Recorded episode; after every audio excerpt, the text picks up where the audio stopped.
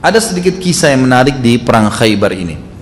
Ada orang Yahudi yang sempat keluar dua orang yang bernama Marhab dan yang bernama Harith.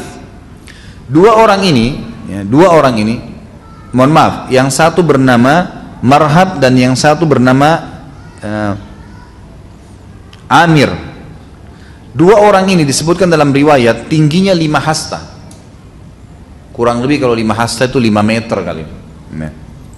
Tingginya orang Yahudi ini lima meter. Dua orang prajurit pilihannya Yahudi. Keluar dalam hadis ini dikatakan dan ini bisa lihat diriwayatkan Imam Muslim nomor 1897 dari Salama bin Aqwa radhiyallahu anhu tentang perang Khaybar. Pada saat itu keluar dan keduanya menantang siapa yang mau berduel. Bayangkan kalau 5 meter jalan. Mungkin dari lantai ini ke atas ini berapa? 5 meter kira-kira. Nggak nyampe ya. Mungkin 4 meter. Bayangkan 5 meter tingginya. Besar. Pedangnya pun sangat besar. Badannya semua dipenuhi dengan besi. Gitu kan. Dua orang ini keluar, kemudian dua-duanya menantang. Sekali lagi, pada saat ditantang keluar, duel, dan kebetulan untuk dia tantang ini pasukannya Ali yang tadi diutus oleh Nabi untuk maju ke depan, sudah sampai di depan. Ali pemimpin waktu itu ya, sudah jadi pemimpin. Nabi SAW di belakang.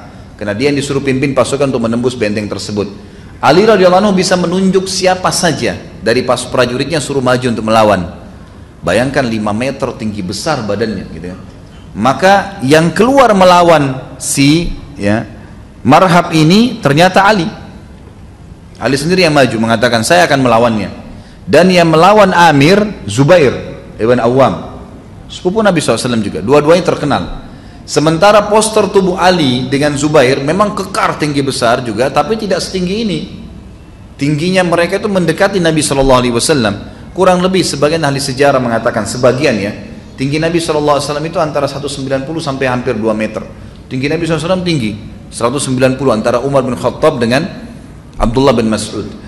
Intinya adalah Ali tidak jauh dari situ, tetapi orang ini lima hasta, tinggi sekali, gitu kan?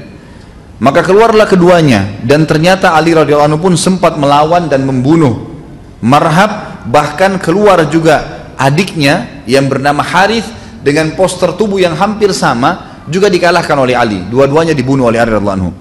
Kemudian Zubair pun berhasil mengalahkan Amir dan setelah kalahnya tiga orang prajurit utama Yahudi ini maka benteng Khaybar pun menyerah.